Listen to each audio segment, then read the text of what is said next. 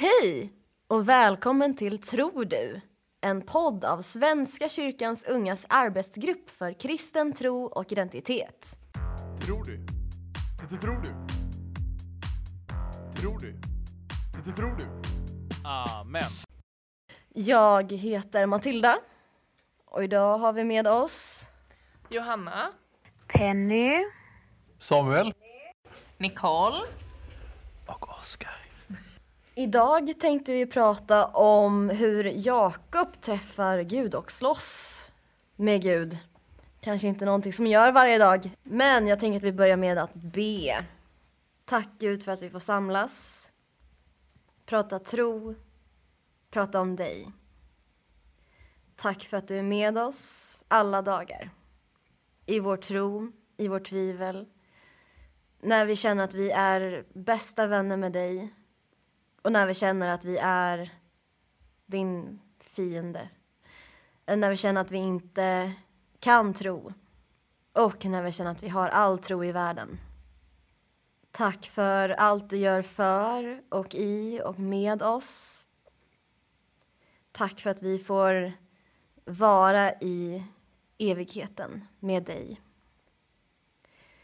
Vi ber dig nu att du är med oss i vårt samtal kommer igenom med inspirerande ord och tankar. I Jesu namn. Amen.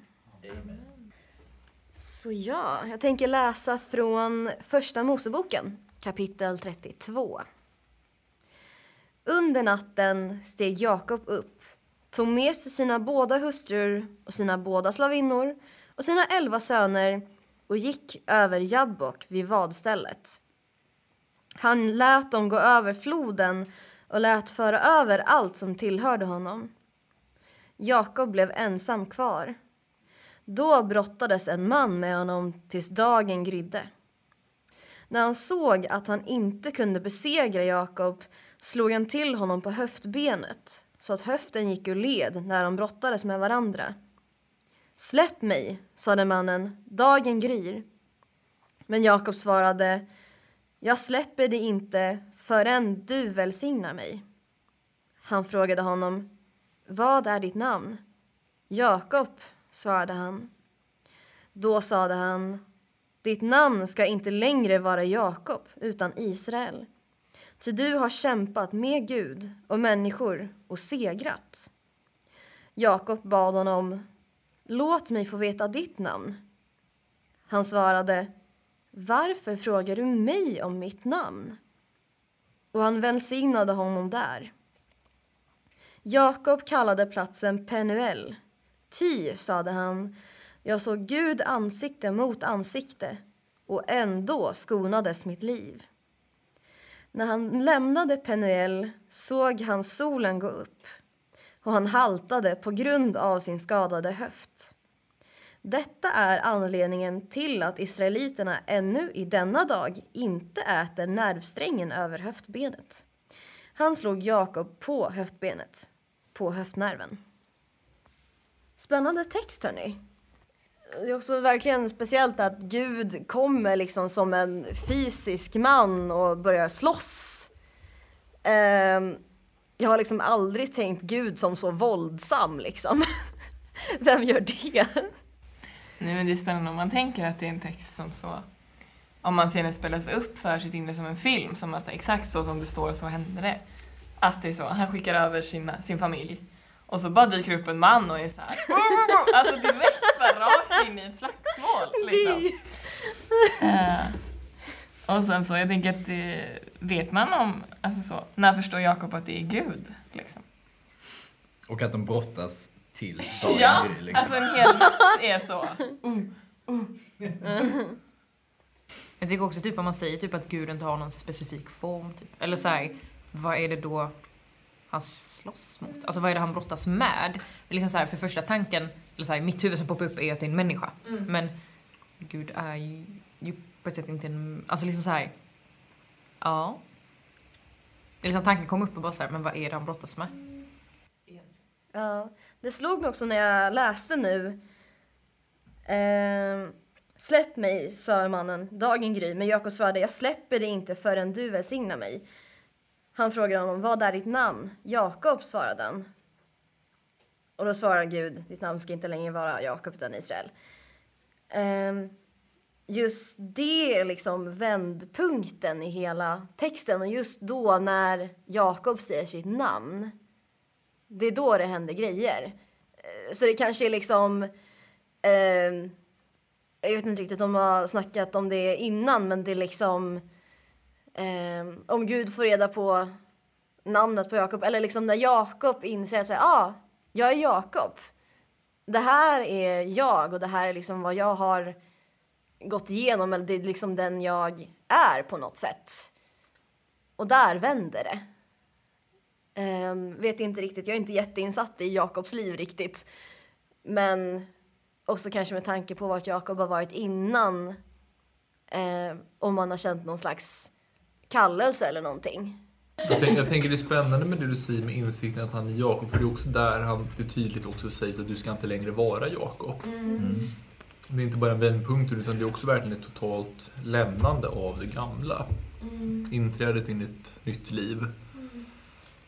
Det är nästan liksom en, man får säga det, det är nästan en dopteologi över det hela. Ett sånt tydligt före och ett efter. Att, jag tycker också det är häftigt det här med att han släpper inte Gud förrän han, eller vad är det? Han säger ju liksom släpp mig, dagen gryr. Eh, Jakob svarar, jag släpper dig inte förrän du välsignar mig. Jag, jag slä, alltså Jakob som inte vill släppa taget om Gud utan, utan det att Gud har gett sin välsignelse.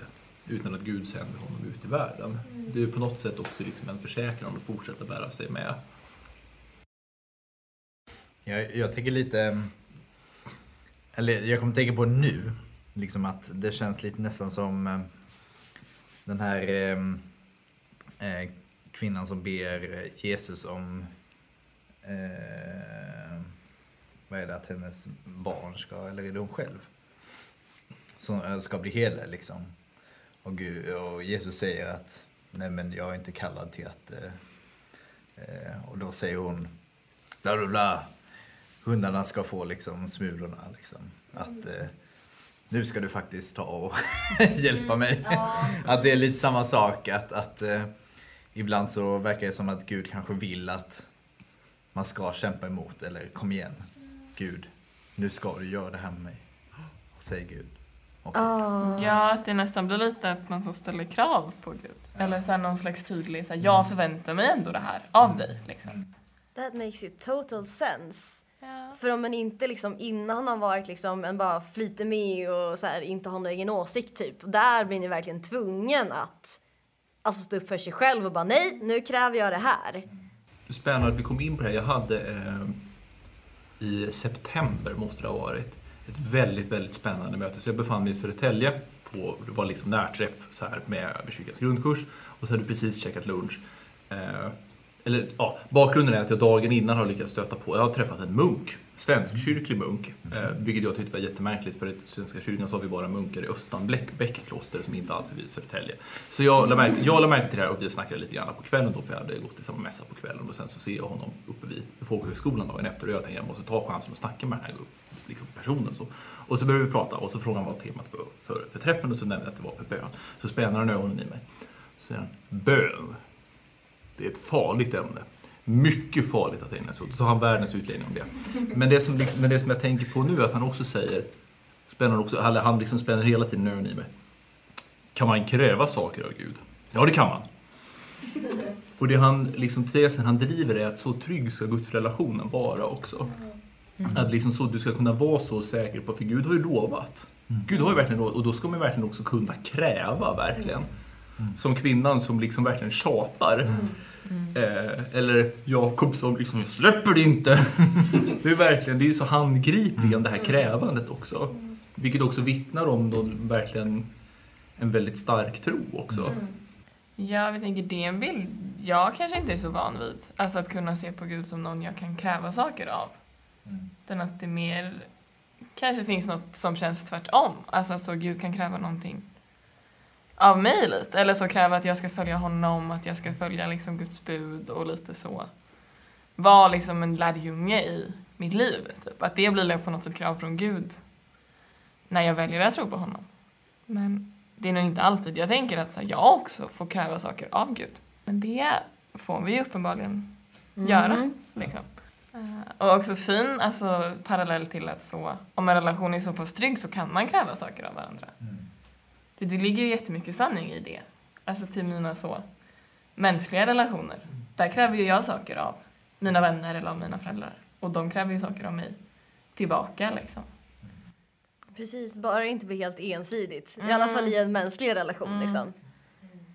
Det kanske finns risk att man ser krav som någonting alltså hårt och nedtyggande och så här, nej men vi ska inte ställa krav på varandra liksom. Så här får man komma precis som man är, typ. Eh, så. Men att det kan ju finnas goda krav Ja. Ja, och så ett hälsosamt kravsättande från varandra. Typ.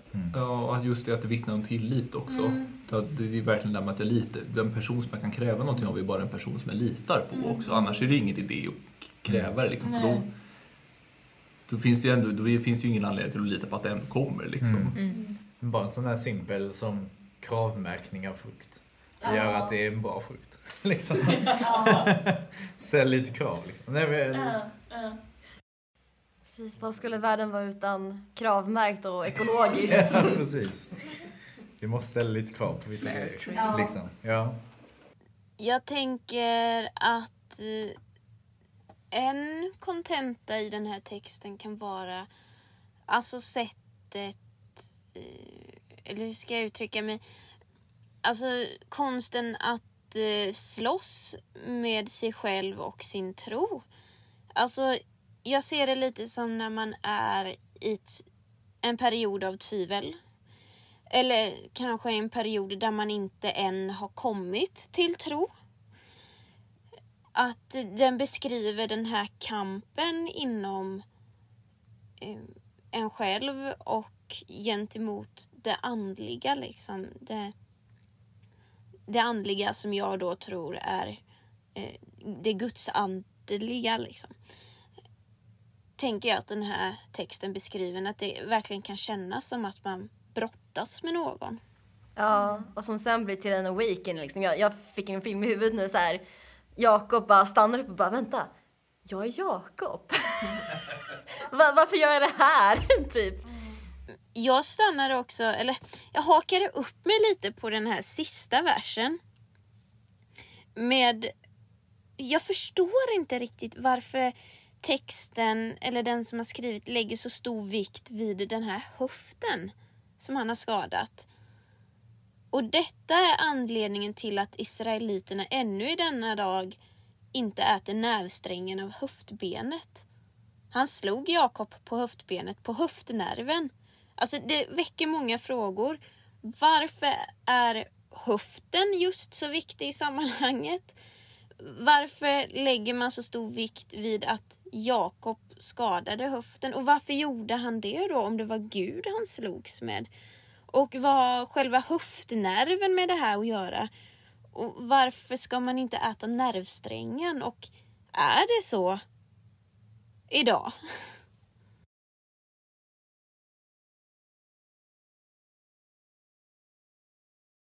Jag tror ett simpelt svar, eller enkelt kanske, jag vet inte, är att den sista versen är liksom ett tillägg.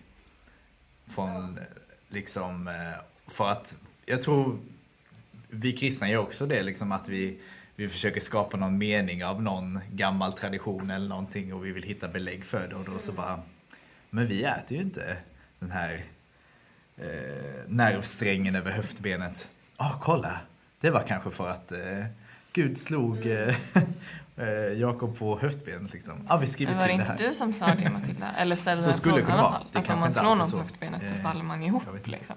Ja, någonting sånt. Eller liksom, höften är ju verkligen så viktig för hur den är aligned med sin kropp. Så här, hur den kan liksom stå upp och gå. Rörlighet. Det är väldigt mycket rörlighet i höften just. Och tänkte liksom ehm, hur liten kan röra sig om en är stel i höften. Det är verkligen inte någonting som är jätteskönt att vara stel i höften precis. Ehm, För den här, alltså det står ju i bibeltexten att den här mannen som då är Gud inser att han inte kan besegra Jakob och därför slår han honom på höftbenet så att höften går ur led. Liksom. Ja. Alltså för att skapa sig ett övertag. typ. Det är ju verkligen en svag punkt, Mm. tänker jag. Liksom. När han har prövat allt. Och så bara, ja, ah, vilken är den svagaste punkten? Den slår vi på. Mm. Och sen så bara, oj, vad hände nu? Men samtidigt också kanske, jag tänker Gud vet allt. Gud klarar Mm. allt. Och om Gud har skapat människan och vet, ah det här är en öm punkt. Mm. Och kanske så här, jag menar om Gud hade velat tror jag säkert att Gud hade kommit loss hur lätt som helst. Mm. Men att eh, kanske på något sätt också visa kanske att Jakob, du kan brottas med mig. Mm. Eh, och sen, ja nu vill jag komma loss. Puff, hejdå. tänker också liksom fatta, det är inte bara liksom en, en vanlig smäll på höftbenet, det är också Gud som slår höftbenet. Det är, liksom, det är klart att den går ur led. Ja. Det kanske är något slags så sätt för Gud att visa Jakob, alltså så, att- så att Jakob kan rättfärdiga att så här, du får vara arg på mig, eller så här, du får brottas med mig och vara liksom, känna att ni står i slagsmål. Liksom. Och också kopplat till det vi pratade om i början, att så här, Gud vill säga Jakob att du får ställa krav på mig. Liksom. Jag vill visa dig att det är okej. liksom. Och då, därför slåss jag med dig. Typ. Men kan ni känna igen er i Jakob i den här texten? Kanske. Eller det är väl mer vad jag tänker liksom när jag har någon stor fråga som jag brottas med. Kan vara antingen om liksom Gud och vad Gud vill med mitt liv eller liksom vad, vad betyder det här, varför händer det här mig? Eh, kan det vara så här, kan jag gå den här vägen och fortfarande tro på Gud liksom? Och just då att liksom sitta och brottas med frågan och också liksom i det brottas med Gud och min egen tro och sen så kommer den till den här när det väl är dags, liksom the moment of epiphany. Eh, så mycket engelska med mig. ja, precis. Eh, när verkligen känner att oj, vänta, så här kanske det är. Och det liksom känns så himla rätt. Men då också liksom ha suttit och brottats med någonting kanske under en längre tid än bara en natt. Liksom. Nej men jag tänker att, att eh, jag brottas med Gud lite här och där hela tiden. Liksom, I frågor, i allmänna grejer, i funderingar, i allting. Kanske inte, jag vet inte, kanske inte så här hands-on liksom. Såklart. Men, men ändå så här, eh, jag vet inte, det känns som att, eh, nej men att man brottas med Gud här och där hela tiden. Och känner, nej men Gud är verkligen här bäst. Eh, och ibland kanske, jag vet inte, det är som, eh, jag tänker Abraham och Sodom och Gomorra liksom, när Abraham säger men ska du verkligen eh, förstöra det här Gud? Eh, vad händer om det finns så här många rättfärdiga i stan? Liksom? Att, att, eh, det är ändå fantastiskt att vi har en Gud som vi kan ifrågasätta. Vi måste inte ta allt blint vad Gud säger utan vi kan säga nej men Gud jag förstår inte eller jag vet inte om jag håller med. Kan du förklara eller berätta eller nej, nu får du ändra dig. Jag kan tänka att det är viktigt och nyttigt att brottas. Alltså med olika frågor och olika alltså sätt. Både för att jag ska växa som person och att jag ska växa med Gud. Att det, liksom, det tillhör att man ska tvivla för att kunna komma längre fram i sin tro. Att du ska kunna stanna upp och bara, men varför tror jag på detta? Varför har liksom, är allt bara en myt? Är det liksom bara de som har hittat på detta? Och så tror vi på någonting som inte finns. För att sen bara stanna upp och landa i att nej, men jag tror verkligen på detta och detta är sant och jag bygger mitt liv på det. Att liksom det utvecklar en som person men också i sin gudsrelation. Att man ställer frågorna. Att så här, men varför är det så här? Vart vill jag komma med detta? Varför tror jag på det? Och sen kan man gå vidare. Lite gladare förhoppningsvis. Men liksom så här att man kommer ett steg närmare hela tiden. Och då också kanske fråga sig själv, vem är det som har sagt att Gud tycker så här?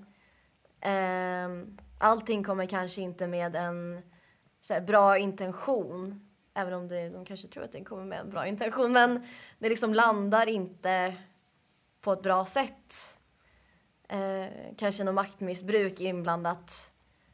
Och då är det också bra att ifrågasätta, liksom, är det här någonting som Gud faktiskt skulle göra eller säga eller är det liksom vinklat på något sätt? Tänker jag. Ja, och mycket så. Alltså grejer som så händer i världen kan jag tycka skapar alltså mycket så ilska i en typ. Eller att det kan bli så varför låter du det här ske Gud? Eller så, varför är det så mycket krig? Varför finns det så många idioter som sitter på makt? Alltså så, varför blir det inte bättre? Och att det kanske någon gång ibland så kulminerar i att bara så här, varför gav det oss fri vilja? För att vi är uppenbarligen jättedåliga på att hantera det liksom. Mm.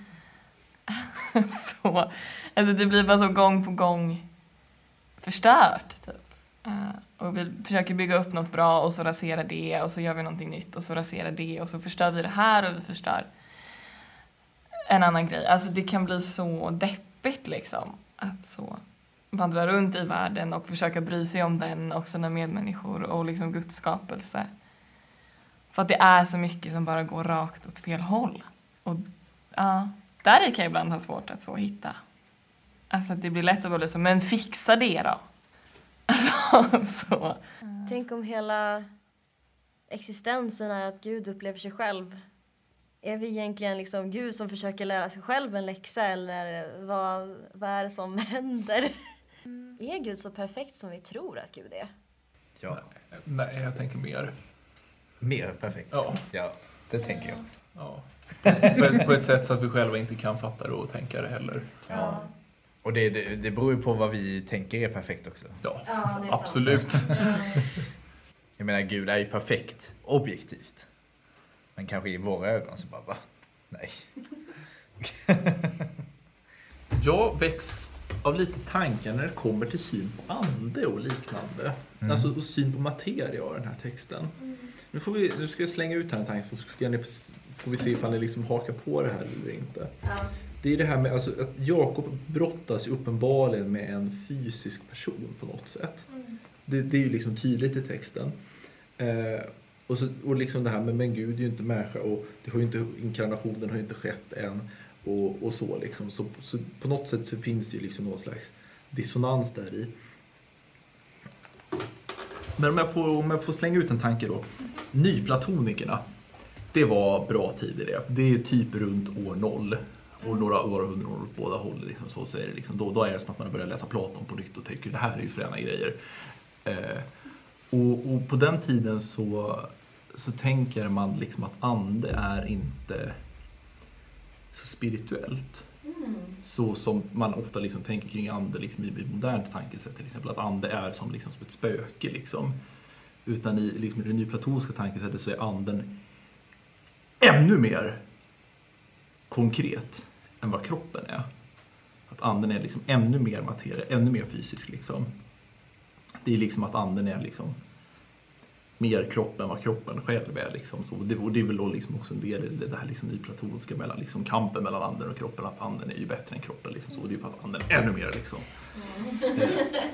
Men jag tänker liksom, det, det, nu, nu är ju inte det här liksom skrivet i nyplatonsk tid alls. Eh, och jag har väldigt dålig koll på liksom rådande filosofi som är då. Men jag tycker det blir ett spännande liksom, grej att ta med.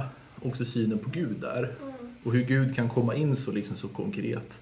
Och jag tänker också att det kopplar till lite till typ så här Edens lustgård också. Med Gud som kommer och knallar igenom.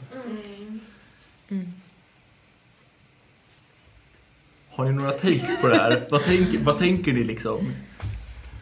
Det är ju jätteintressant. För när jag har hört om Platon så var det verkligen så här, ah, Platon är jätteandlig. Eh, till skillnad från Aristoteles som är så här jättejordslig materiell och allt vad det kan vara. Och då att få höra om att Platon verkligen liksom anden är så, alltså ännu mer fysisk än det faktiskt fysiska. Fy- fysiska. Så. Eh, wow. Och hur liksom hur är det? Jag försöker liksom skapa mig en bild i huvudet. Eh, för som sagt, en ser ju liksom oftast anden som någonting så här, ja men nästan spöken, nästan lite så här transparent typ. Typ lite genomskinligt liksom. Ja, verkligen genomskinligt. Eh, Ja men och väldigt mycket så en kraft eller liksom så här, känslan emellan varandra och mellan Gud och Jesus och lite så här. ja. Att det är väldigt så, alltså någon form av så vindform typ. ja. Liksom. Guds vindel som sveper fram. Ja, eh, så det blir väldigt så Alltså det är verkligen som att så snurra ett helt varv i huvudet att tänka att anden kan vara något som är fysiskt. Typ. Ja, kan man liksom ta på Gud? Ja, det Liksom klämma? Eller kan Gud ta på dig? Ja, och precis. Ja, men det är ju det är väl ännu mer häftigt. Ja. Men jag kan tänka att det är lite som en... Nej men att, att en eh, cirkel som går ihop liksom. Att till slut blir den så andlig att det blir kroppsligt liksom. Det blir fysiskt. Eh, men jag tänker att anden är liksom allt det som inte är fadern och sonen. Liksom. Eh, jag tänker att anden finns i första versen, eller första verserna när, när en Guds vind sveper över vattnet liksom. Och sen så när Gud kommer gåendes i... eh, Och här också alltså. Och det är verkligen... Jag har inte tänkt som du säger innan, men verkligen... Det sätter nog så här ord på mycket, tänker jag. Att, att... eh, Ta frågan en gång till. Den var väl lite oklar. Ja, fråga. vä- väldigt, väldigt, väldigt oklar fråga. Eh, Det här är väldigt svårt. Det här är väldigt svårt att prata till också eftersom att micken är där du- datorn inte är. Eh, förlåt för det Penny. Eh, nej men liksom så att ny, nyplatonikerna, och nu är ju inte det här nyplatonskt heller så det, det får man väl liksom ha så att man inte gör anakronism och grejer när man läser bibeltexten. Men det skiter vi i nu. I alla fall, nyplatonikerna som tänker att anden är liksom ännu mer konkret än vad kroppen är. Och liksom här möter Jakob Gud och brottas med Gud och liksom kan ta på Gud och slåss och Gud kan ta på honom och liksom lappa till honom på höftbenet så han blir halt och grejer. Har du några tankar på det? det var för frågan liksom. Vad, vad, vad gör det med, med det hela? Ja, jag tyckte det här var lite klurigt. Eh, jag, jag har inte... Jag måste tänka mer på det känner jag. Men... Eh, alltså... Som sagt, jag har lite svårt att få ihop att det här med höften och... Och ja... Alltså texten är ju konkret på ett sätt men flummig på ett annat. Hur tänker du att den är flummig? Ja, men alltså, man kan ju välja att se den liksom ja, men, som en brottningsmatch. Rent fysiskt. Men, eh, men bakom det konkreta så finns det ju ett större djup. Så, ja, jag vet inte riktigt vad jag ska säga. Jag tyckte ni sa bra saker här innan. Ja, precis, det blir nästan som så här metaforiskt eller någon slags metafysik av det. Ja, Ja, men lite så. Alltså, är det konkret en fysisk brottningsmatch? Eller är det liksom en metafor för att brottas? Som i att man vänder och vrider på någonting i sitt huvud en hel natt. Liksom. Och måste det vara antingen eller? Ja. Ja. Sa du ja? ja, det måste vara antingen eller. Bestäm dig. Pick Jag tror side. inte på gråzoner. Gråzoner är inget som existerar. Att det är en fysisk brottningsmatch men det blir samtidigt något som pågår här inne. Liksom. Det är ju väldigt spännande att tänka. Hur något inte bara är grått eller gråskaligt utan svart och vitt samtidigt. Ja. Mycket när jag dansar kan jag liksom... Jag tänker verkligen att kroppen är så mycket ett uttryck av det som finns inuti. Och beroende på vad jag liksom... Hur mycket jag kan ta ut en rörelse eller liksom hur, hur mycket jag vågar ta ut en rörelse eller liksom hur mycket... Ja, men liksom hur mycket jag kan uttrycka mig är ändå en spegling av det som jag har inuti. Och då måste jag analysera liksom, aha, okej, idag känner jag mig inte så...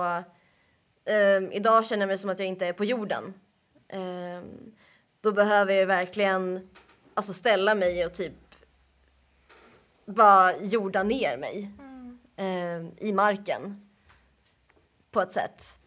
Uh, så kroppen och själen, om jag vill säga det så, hänger ju verkligen ihop. Allting är ju så ihopblandat och speglar varandra på ett sätt.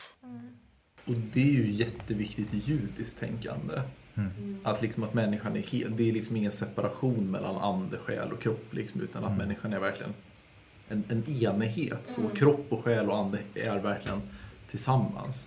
Det är inte bara liksom att kroppen är ett uttryck för vad som händer på insidan, utan insidan är också liksom ett uttryck för, för kroppen. Att det är liksom nu ser man ju inte när man lyssnar på en podd, men jag, håller på och knäpper händerna för att visa att det hänger ihop i alla fall. Ja, det, Intertwined. ja intertwined. Som en sån här liten flupp.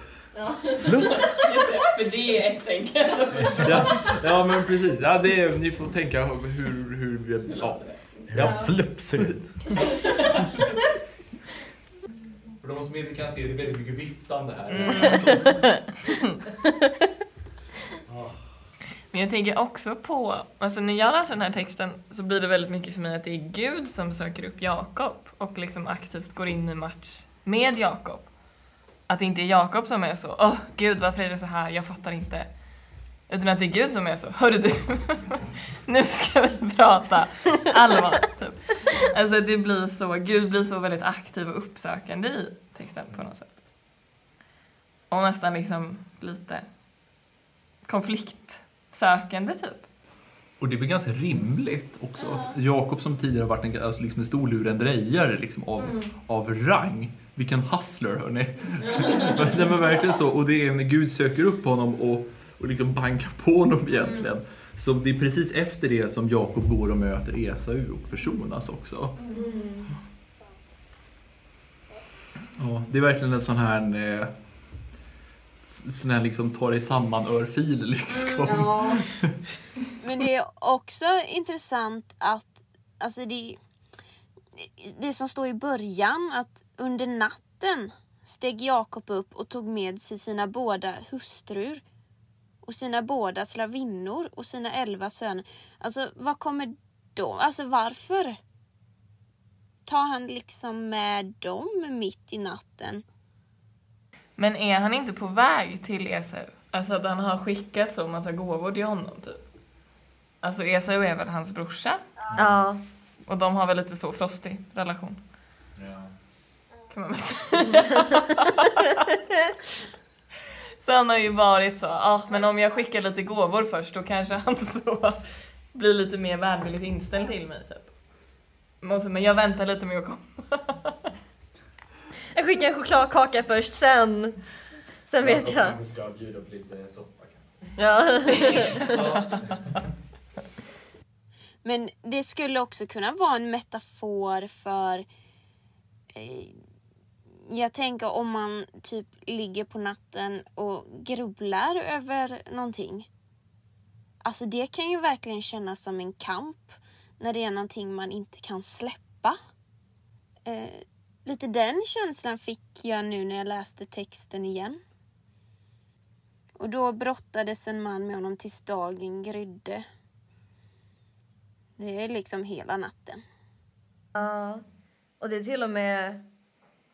Alltså om man tänker att Gud då, eller den fysiska formen är en fråga. Då är det ju frågan som eh, liksom säger till dig så här, släpp mig. Ehm, istället för att du bestämmer dig för att släppa frågan. Utan frågan är så himla uttjatad att den själv säger släpp mig. Så sjukt spännande samtal. Ja. Jag tänkte lite på det här eh, när du sa att Gud var uppsökande. Kanske att eftersom Gud är utanför tid och rum liksom, så kanske så vet ju liksom Gud att, att eh, Jakob behöver brottas med mig. Så då kommer jag att brottas med honom. Nej, men, det blir liksom, jag vet inte. Det, är- det är ju jättespännande text. Ja. Nej men att Gud så skapar en möjlighet som Ja, han vet behövs. Ja, liksom. så, men som människan i fråga kanske inte kommer Nej. aktivt skapa själv. Så, Ja. av diverse rädslor eller lathet eller farhågor eller vad det kan vara. Liksom. Ja. Gud är steget före. Ska vi? ja. Wrap this up. Wrap this up. Yeah. Vi har läst om Jakob som brottas med Gud. Är det en fysisk gud eller är det en metafor? Eh, brottas... Eller både och. Är det... Eh, känner vi igen oss i Jakob? Brottas vi med Gud ibland? Eh, är det Gud som söker upp oss? Eh, det är viktigt att faktiskt våga brottas med Gud. Mm. Får vi Eh, ställa krav på Gud? precis. Kan vi förvänta oss saker av Gud? Och det är nästan en skyldighet att ställa krav. Ja. Ja. ja. Det är väl, Varför spelar höften så himla stor roll? ja. Den där får vi brottas med. ja. Ja. Men typ det. Ska vi be? Ja. Vi ber. Tack Gud för det här samtalet. Tack Gud för att du har vidgat våra vyer och fått oss att se dig med nya ögon. Hjälp oss med alla frågor vi brottas med, har brottats med och kommer brottas med. Hjälp oss att ställa krav på dig, att våga ställa krav på dig när vi känner att vi blir orättvist behandlade eller annat som vi känner att vi känner oss maktlösa i. Hjälp oss våga ställa krav på dig. Och vi ber Gud som haver. Gud som haver barnen kär, se till mig som liten är. Vart jag mig i världen vänder, står min lycka i Guds händer. Lyckan kommer, lyckan går, du förbliver Fader vår. Amen. Tack! Tack. Vi hörs igen nästa månad. Ha det fint, ta hand om er. Ställ krav på Gud. Yeah. Yeah. Peace. Peace out. Peace brothers. Hej då! Sisters.